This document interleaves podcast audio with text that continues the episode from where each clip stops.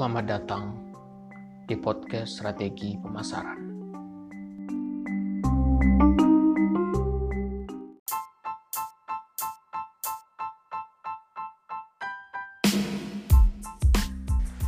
Kali ini kita akan membahas tentang strategic segmentation atau segmentasi strategis. Ada beberapa hal yang akan kita bahas dalam tema ini. Yang pertama tentang definisi pasar, yang kedua tentang tujuan dari segmentasi pasar, yang ketiga tentang basis untuk melakukan segmentasi produk di dalam pasar, yang keempat tentang implementasi dari segmentasi, dan yang kelima tentang target pasar atau pasar sasaran. Kelima hal ini akan kita bahas satu persatu.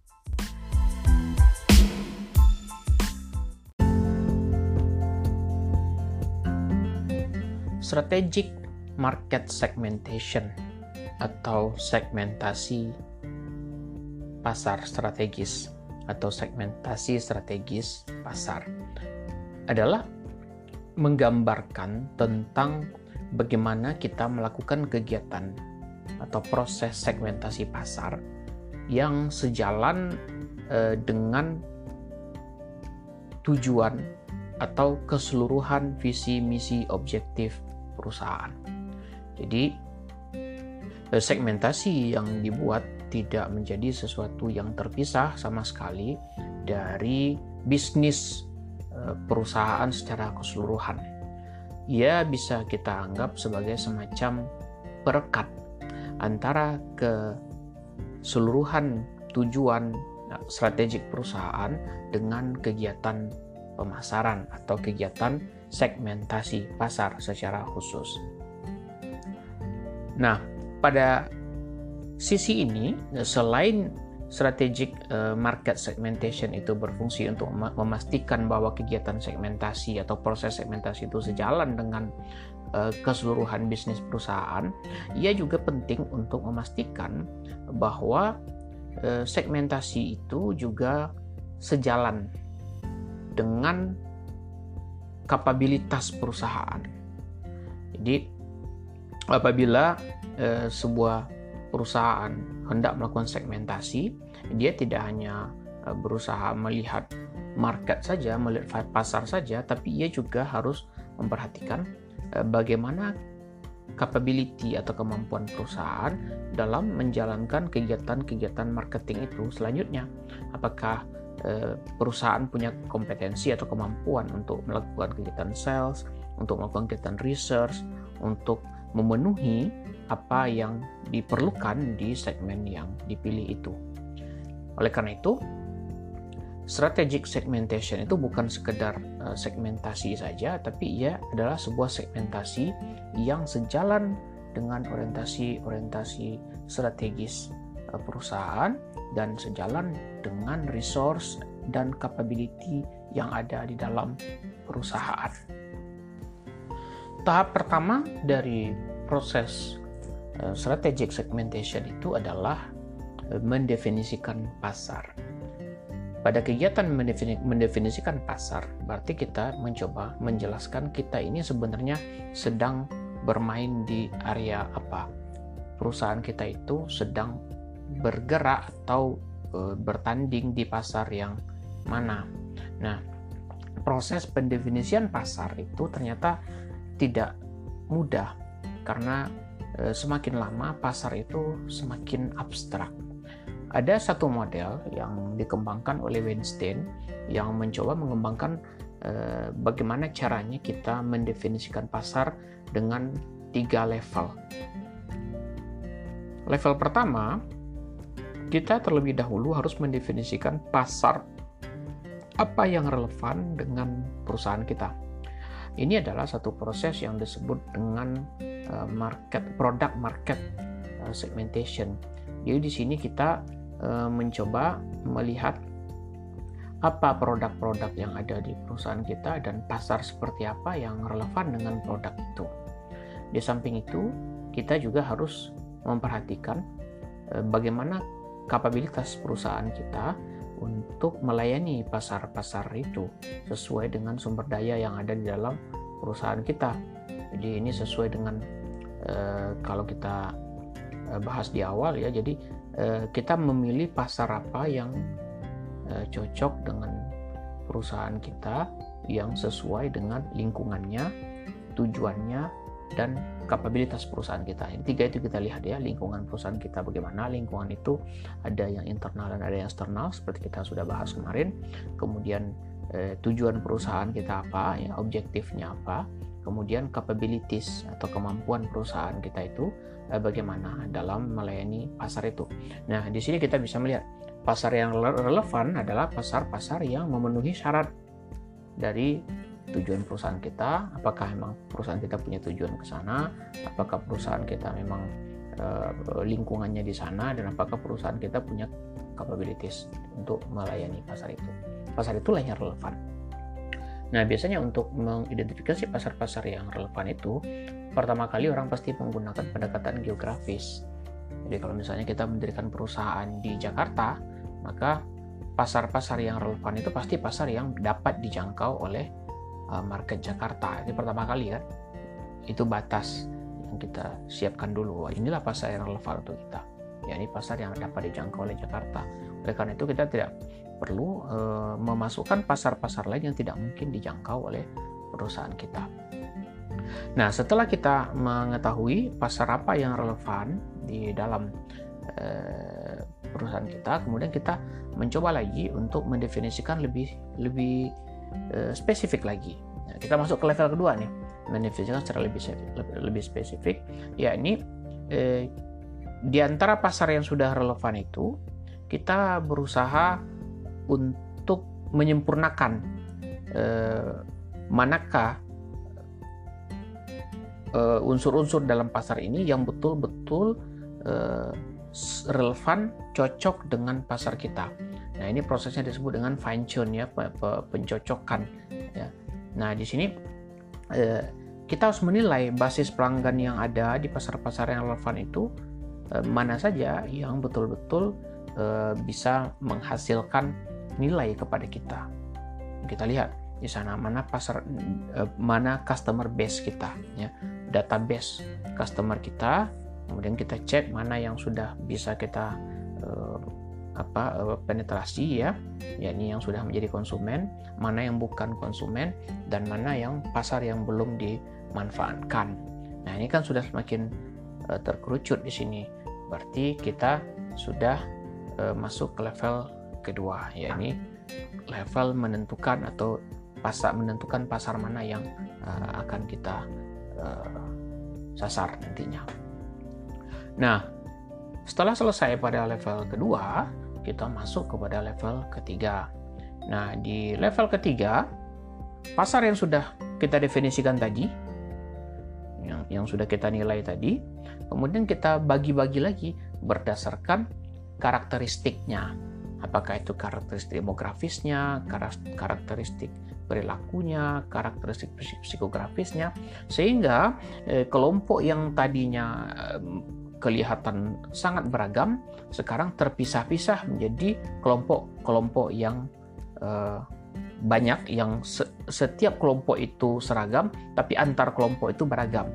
Kira-kira ada paham ya? Jadi eh, katakanlah tadi mereka hanya satu kelompok besar yang di dalamnya terdapat berbagai macam ragam, ragam geografis, ragam demografis, ragam psikografis, ragam perilaku. Sekarang kita bagi-bagi mereka itu entah berdasarkan geografis, entah berdasarkan psikografis, entah uh, berdasarkan uh, perilaku. Ya intinya mereka dibagi berdasarkan karakteristik-karakteristik mereka untuk kita bisa memahami buying behavior, uh, perilaku pembelian mereka. Jadi tiap kelompok itu kan kelihatan perilaku pembeliannya. Jika segmen ini perilakunya begini, segmen itu perilakunya begitu, segmen itu perilaku begitu. Jadi antar segmen itu sudah kita pisahkan Eh, berdasarkan perbedaan-perbedaannya sehingga dalam satu kelompok yang sudah masing-masing terpisah itu eh, dalam setiap kelompok itu eh, ada pasar yang yang perilakunya sudah lebih kurang sama. Nah, kemudian apabila sudah tersegmentasi seperti itu, barulah kemudian perusahaan kita atau organisasi kita memilih yang mana pasar yang akan kita sasar secara spesifik sesuai dengan strategi pemasaran kita. Apakah kita akan sasar semua semua segmen itu ataukah kita sasar hanya segmen-segmen tertentu eh, sesuai dengan eh, strategi yang sudah kita susun sebelumnya ya sesuai dengan visi, misi, objektif dari perusahaan kita.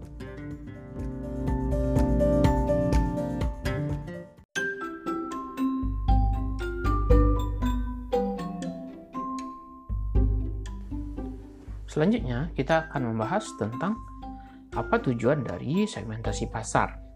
Setidaknya ada lima tujuan dari segmentasi pasar. Walaupun nanti akan banyak teori lain yang mungkin Anda pelajari, tapi saya akan sampaikan lima hal saja. E, lima hal itu, yang pertama, e, segmentasi pasar itu berguna untuk mendapatkan atau meraih e, potensi konsumer baru ya. Jadi kita bisa meraih uh, customer atau konsumen uh, potensial yang baru. Karena apa? Karena customer acquisition atau akuisisi konsumen uh, itu bisa kita dapatkan uh, dengan cara memahami uh, siapa saja atau apa saja kebutuhan dari konsumen yang tidak bisa dipenuhi atau dipuaskan oleh strategi eh, marketing yang sedang berjalan. Jadi, ketika kita melakukan eh, segmentasi, maka berarti eh, kita bisa memahami eh, eh, apa namanya itu eh, bisa kita me me mengenali perilaku-perilaku mereka bisa kita gunakan untuk mengenali sikap-sikap mereka, bisa kita guna kita gunakan untuk memahami kepuasan-kepuasan mereka. Yang kedua, eh, tujuan dari segmentasi pasar itu adalah untuk eh, mengembangkan eh, potensi konsumen yang sudah ada.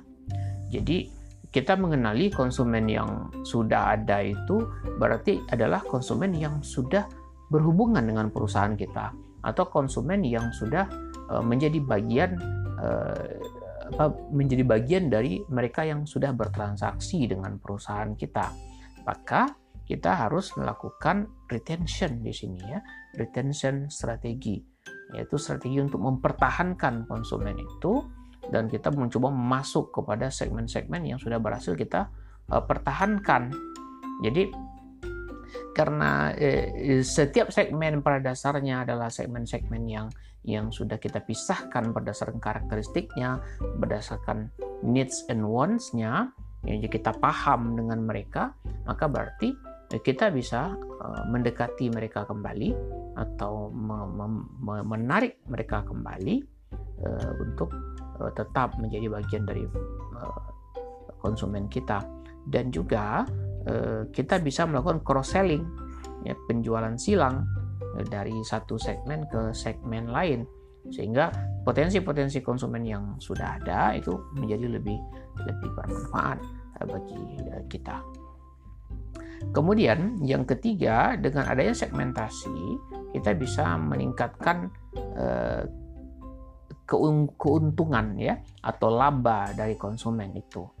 Maksudnya adalah bila kita melakukan uh, segmentasi berdasarkan value uh, konsumen itu kepada perusahaan kita. Jadi di sini kalau kita sudah mensegmentasi mereka berdasarkan mana konsumen yang punya value kepada perusahaan kita dan mana konsumen yang tidak mempunyai value kepada konsumen kepada perusahaan kita. Bahkan ada konsumen yang bad ya, bad customer, ya, customer yang buruk atau deviant customer, ya, customer yang menyimpang, yang konsumer yang berperilaku tidak baik, yang sebenarnya tidak meningkatkan keuntungan kepada kita, malahan eh, menjadi eh, menurunkan keuntungan kita atau merugikan kita. Jadi eh, dengan segmentasi berdasarkan value kita pisahkan aja manakah yang profitable, konsumen-konsumen yang profitable, dan mana konsumen-konsumen yang non profitable.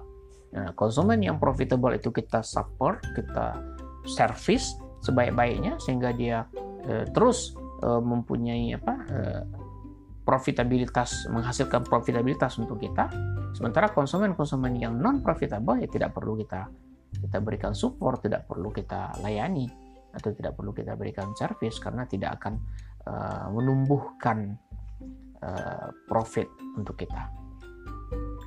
Yang keempat, segmentasi itu juga punya tujuan untuk meningkatkan uh, uh, apa uh, kemudahan untuk mengukur target kita.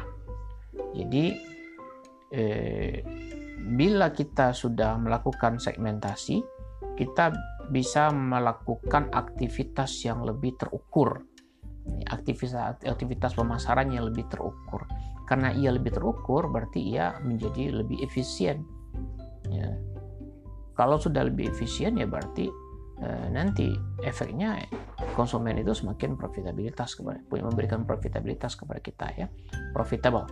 Jadi eh, intinya kemudian eh, dengan kita melakukan segmentasi kita bisa meningkatkan eh, kemampuan kita untuk eh, melakukan kegiatan-kegiatan pemasaran yang lebih eh, terukur. Misalnya melakukan kegiatan marketing mix atau bauran pemasaran atau membuat keputusan tentang bauran pemasaran yang kelima, manfaat atau tuju, sorry, yang kelima tujuan dari uh, segmentasi ini adalah untuk mengidentifikasi sub market yang baru. Ya, sub market itu artinya kan kita sudah menyusun tadi produk produk market segmentation ya. Jadi kita sudah menyusun segmentasi untuk setiap produk-produk kita.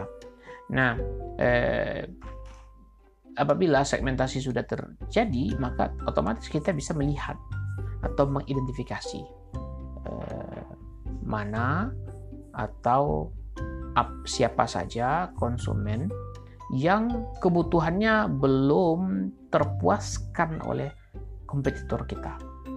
Yang mana saja konsumen-konsumen yang kepuasannya belum terpuaskan oleh kompetitor kita sehingga kita berpotensi untuk menjadikan mereka sebagai new submarkets ya. Kita bisa menjadikan mereka sebagai submarket kita yang baru. Jadi demikianlah lima hal yang menjadi uh, objektif atau tujuan dari uh, strategic segmentation.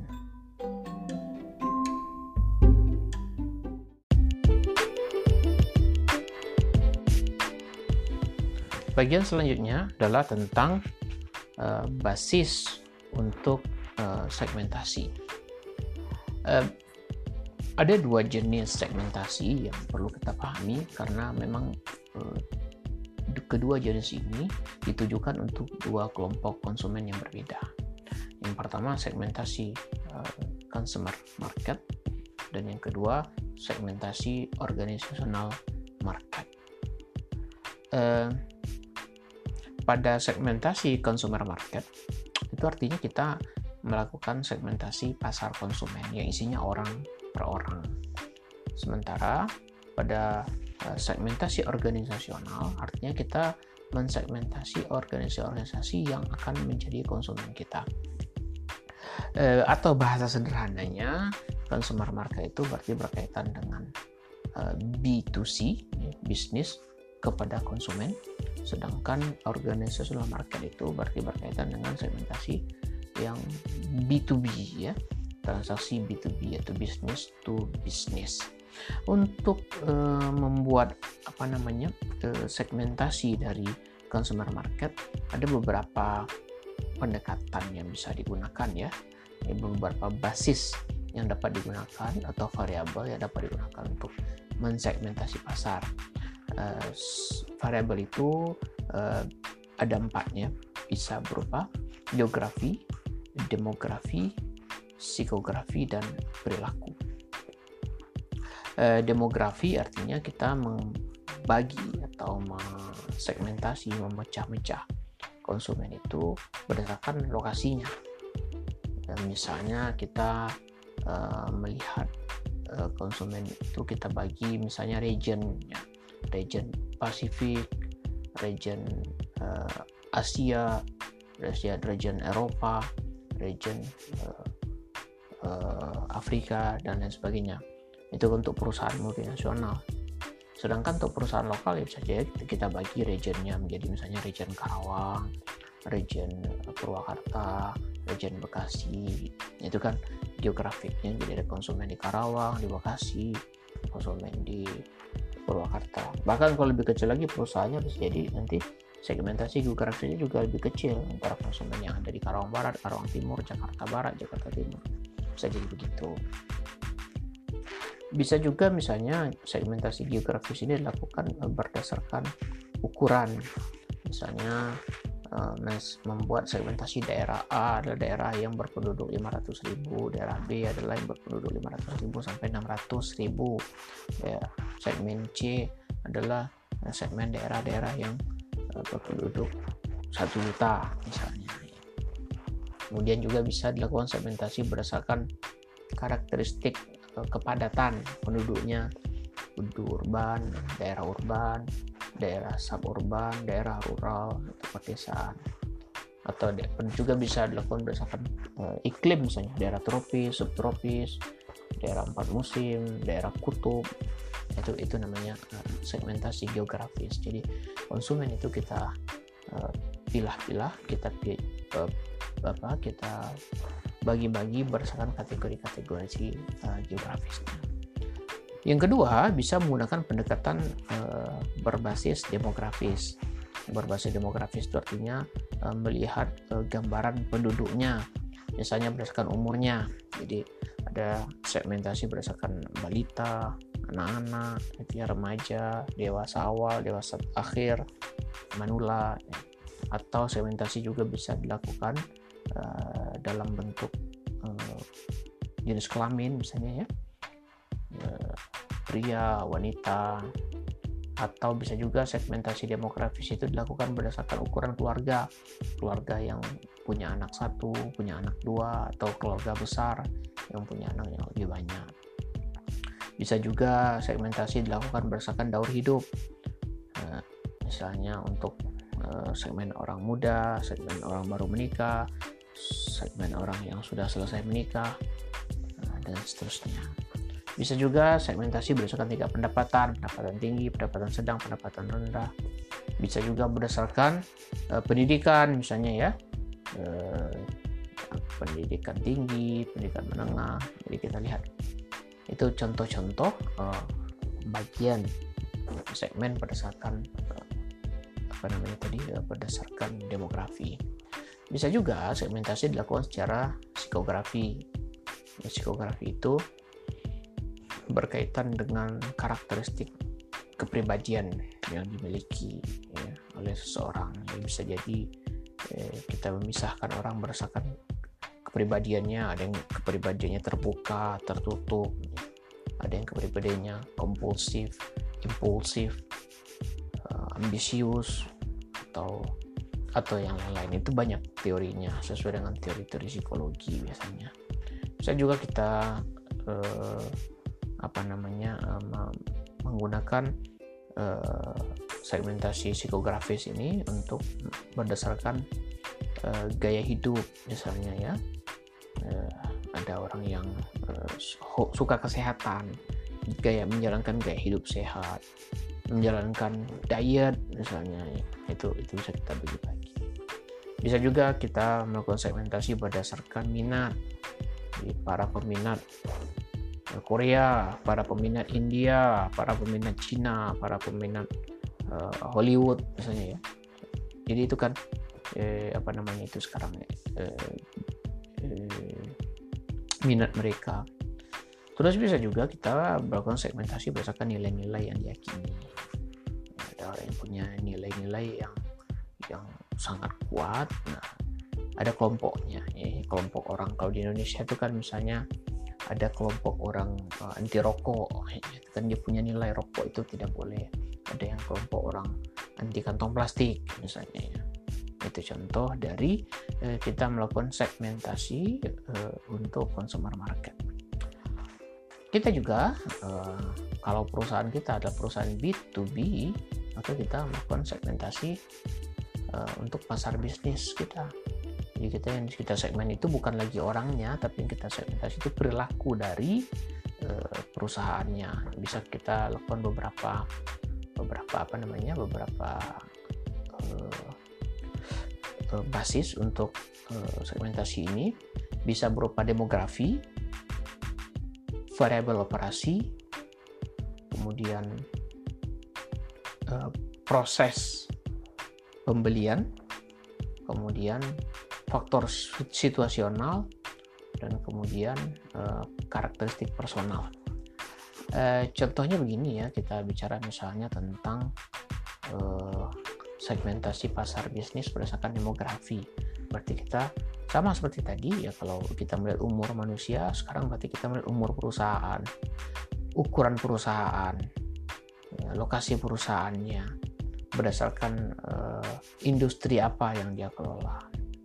Kemudian operating variables. Operating variables itu berarti kita melihat uh, atau melakukan segmentasi berdasarkan uh, faktor-faktor yang ada saat mereka melakukan uh, kegiatan operasional. Biasanya kita melihat uh, teknologi berdasarkan uh, teknologi kita bisa membagi-bagi perusahaan itu sesuai dengan tingkat teknologinya. Ini perusahaan yang masih manual, ini perusahaan yang sudah digital misalnya ini perusahaan yang sudah otomatis itu kan uh, menjadi satu segmen-segmen tersendiri.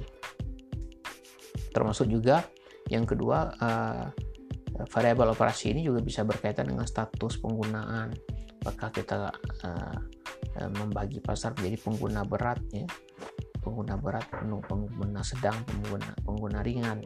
Jadi kita lihat perusahaan misalnya eh, dia adalah konsumen perusahaan komputer, perusahaan komputer mungkin akan melihat nih konsumen adalah konsumen yang pengguna berat, pengguna medium atau pengguna ringan dari komputer itu tertentu dengan karakteristik perusahaan itu sendiri. Eh, bisa juga berdasarkan eh, pendekatan dalam pembelian. Maksudnya adalah bagaimana keputusan pembelian dibuat oleh sebuah perusahaan. Apakah keputusannya terpusat atau tidak terpusat. Jadi kita segmentasikan tuh perusahaan mana yang keputusan pembeliannya terpusat, perusahaan mana yang keputusan pembeliannya tidak terpusat. Perusahaan mana yang keputusan pembelian ditentukan oleh bagian mana, engineering, eh, atau ditentukan oleh bagian finansial atau kebutuhan oleh kebutuhan bagian pemasaran. Ya, jadi eh, ini namanya tentang bagaimana perusahaan membuat keputusan pembelian. Kemudian bisa juga segmentasi itu dilakukan berdasarkan faktor situasional.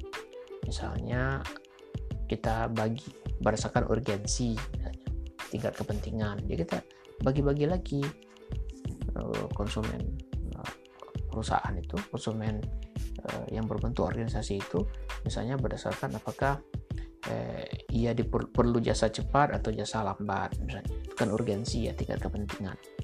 Eh, eh, apa perbedaan di antara urgensi itu menjadi perbedaan dari eh, segmentasi juga nantinya. Kemudian apakah dia eh, memesan dalam jumlah besar atau jumlah sedikit? Jadi kan ukurannya ukuran pesanan. Partai besar atau partai kecil. Ini nggak bagi-bagi aja. Ini perusahaan yang order partai besar ini perusahaan yang kalau order dia selalu partai kecil. Kemudian bisa menggunakan karakteristik. Ya. Karakteristik personal dari uh, perusahaan itu. Jadi bukan personal orangnya tapi personal perusahaannya. Misalnya apakah kita akan fokuskan transaksi kita kepada perusahaan-perusahaan yang punya nilai sama dengan kita kalau perusahaan kita punya nilai anti kantong plastik, maka kita juga akan mensegmentasi berdasarkan sikap mereka terhadap kantong plastik. Perusahaan mana yang pro kantong plastik dan perusahaan mana yang anti kantong plastik. Eh, kemudian apakah kepada perusahaan yang loyal atau kepada perusahaan tidak loyal. Jadi berdasarkan loyaltinya kita bagi lagi loyalty itu. Nah, ketika kita mensegmentasi berdasarkan loyalty, ya kita sudah sudah melakukan karakteristik apa, uh, segmentasi berdasarkan karakteristik personal. Yang mana yang loyal yang mana yang tidak. Nantinya tentu uh, layanannya juga akan berbeda.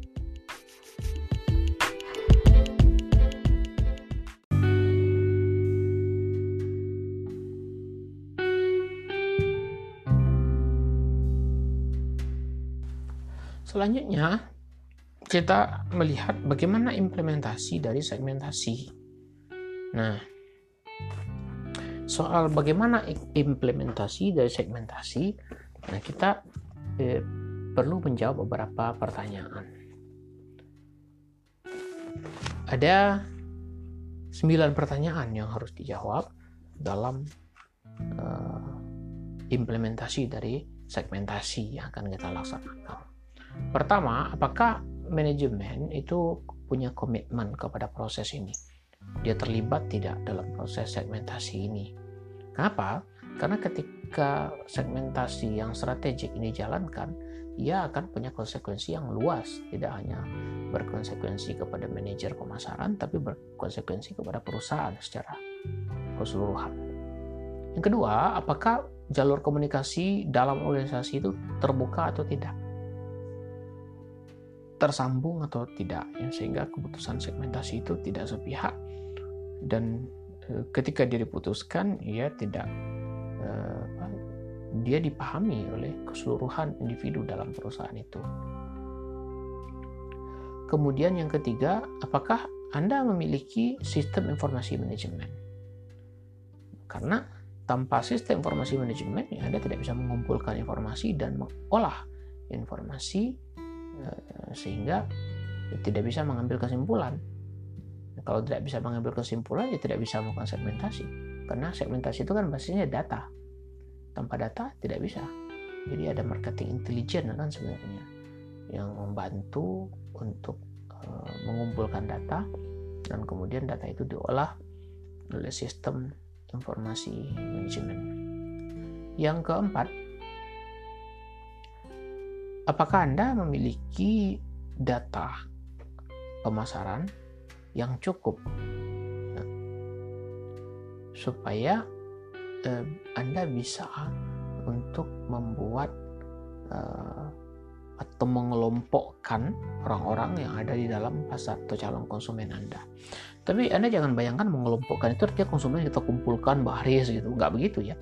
Itu pengelompokannya kan hanya secara secara teoritis. Konsumennya mungkin nggak tahu kalau mereka sedang disegmentasi. Ya, kita disegmentasi secara, internal oleh perusahaan yang melihat kita sebagai konsumen. Ya seperti anda lah. Anda adalah konsumen dari TikTok gitu ya. Konsumen dari Instagram. Nah mereka uh, owner Instagram itu berusaha berusaha untuk segmentasi anda. Kemudian yang kelima apabila kita hendak melakukan segmentasi kita harus melihat apakah segmentasi yang kita pilih model model dari segmentasi yang kita pilih atau basis segmentasi yang kita pilih itu sesuai dengan uh, misi organisasi kita atau misi perusahaan kita dan rencana strategis perusahaan kita. Yang sampai tidak nyambung. Ya kalau tidak nyambung ya berarti bukan bukan strategic uh, segmentation namanya kan. Kemudian uh, apakah Anda memiliki uh, support dari manajer ya untuk menyiapkan uh, misalnya personal uh, dan keuangan. Jadi, apakah manajemen menyokong kita dalam melakukan uh, apa namanya itu uh, segmentasi dalam bentuk personil dan keuangan yang mencukupi. Jangan sampai nggak nggak nggak mencukupi personil dan keuangan sehingga segmentasi tidak bisa berjalan.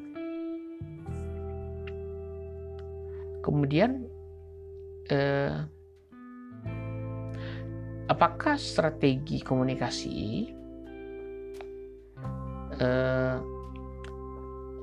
disampaikan kepada internal dan eksternal perusahaan. Jadi eh, jangan sampai tidak ada strategi komunikasi yang dipahami oleh internal dan eksternal sehingga pada akhirnya kita tidak bisa melakukan segmentasi karena eh, apa namanya itu eh, strategi komunikasi tidak kita pahami.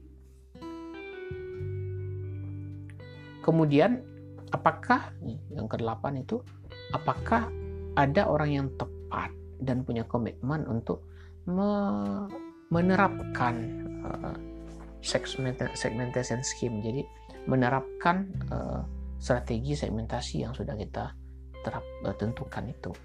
Jadi eh, tersediakah orang-orangnya di dalam perusahaan kita yang punya komitmen untuk itu. Dan yang terakhir, tentu saja tidak hanya orang-orang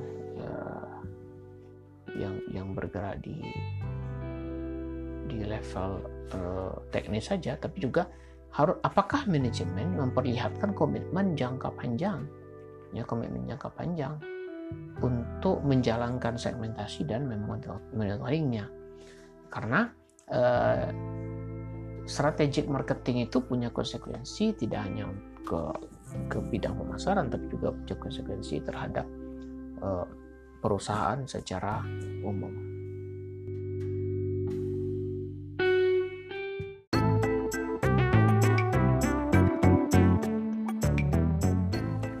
Setelah kita melakukan segmentasi berdasarkan basis atau variabel-variabel yang sudah kita tentukan atau kita bahas di atas, maka saat ini kita tinggal memilih segmen mana yang akan kita jadikan sebagai target kita. Jadi targeting atau target market itu adalah segmen segmen yang kita putuskan untuk menjadi sasaran kita. Eh, memang tidak mudah untuk menentukan mana segmen yang akan dijadikan uh, sasaran kita atau target kita.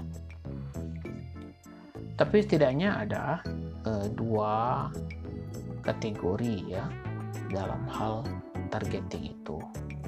Yang pertama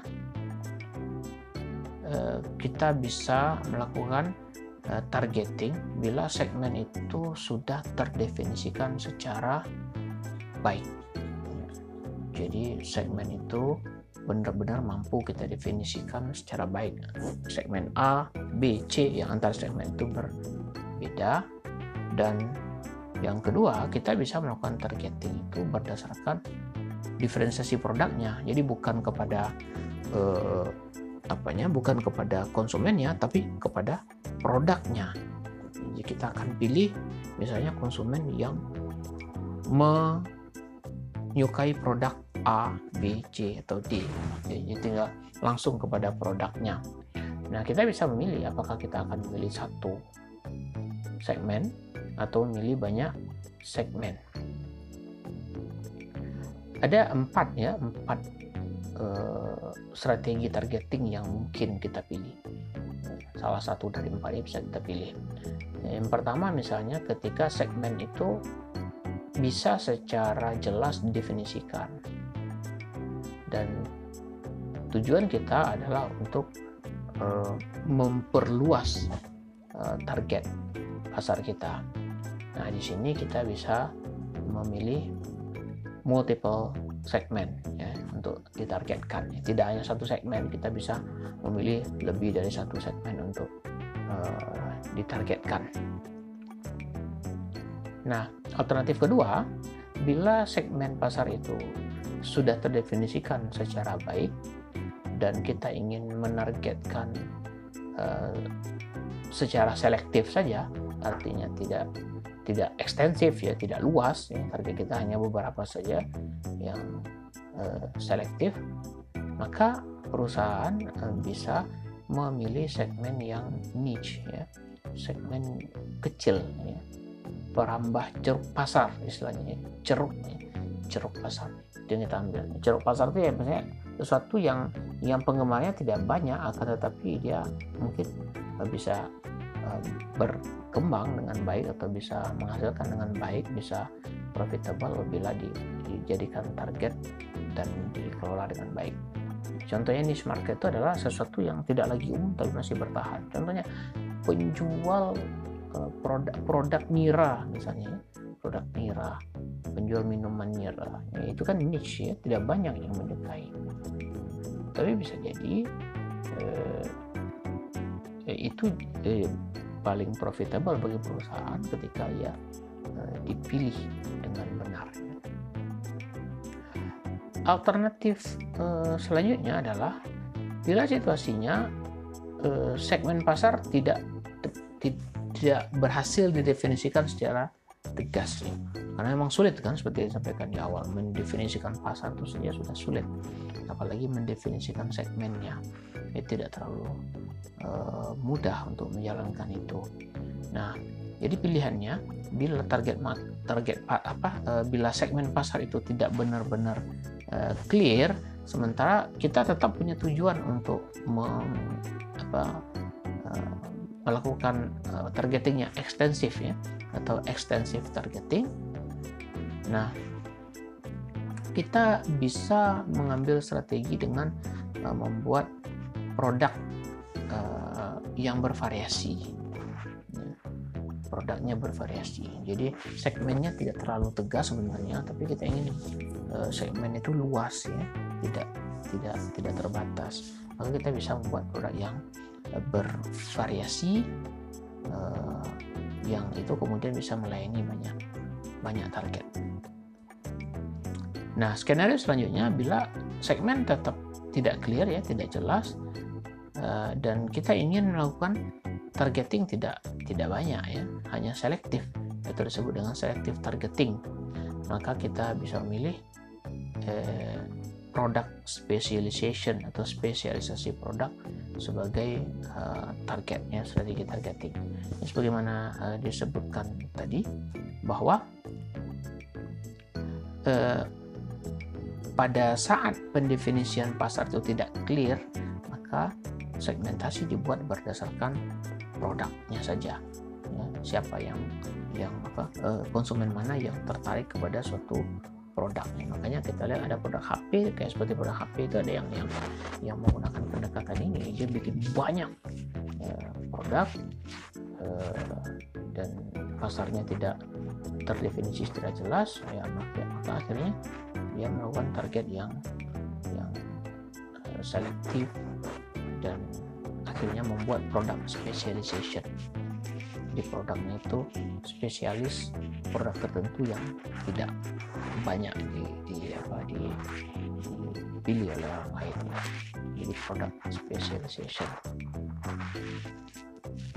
kemudian uh, kalau kita ingin melihat eh, faktor-faktor dalam melakukan targeting. Kalau tadi kan targeting pada uh, consumer market, sekarang bagaimana dengan targeting kepada uh, organizational market ya, atau pasar organisasi. Nah, pada pada pada targeting ini kita bisa memilih misalnya uh, strategi targeting kita itu adalah berdasarkan uh, suatu tahap produk market maturity ya tingkat kematangan uh, apa namanya itu uh, hubungan antara produk dengan uh, pasar. Nah, uh, bisa juga targeting itu berdasarkan kemampuan uh, apa ya perbedaan keragaman uh, nilai dari kalangan dari konsumen pada saat dia membeli itu kan dia kan punya value requirement ya nilai yang yang dia persyaratkan yang harus dipenuhi. Nah di sana kita bisa melakukan pemilihan apakah value-nya itu relevan dengan kita atau tidak, ya apakah requirement-nya itu sesuai dengan kita atau tidak. Kemudian bisa juga uh, targeting itu kita lakukan berdasarkan uh, struktur industri Eh, dari organisasi itu kemudian capabilitiesnya resource-nya dan juga berdasarkan kemungkinan dia meningkatkan competitive advantage kita ya meningkatkan keunggulan bersaing bagi perusahaan kita.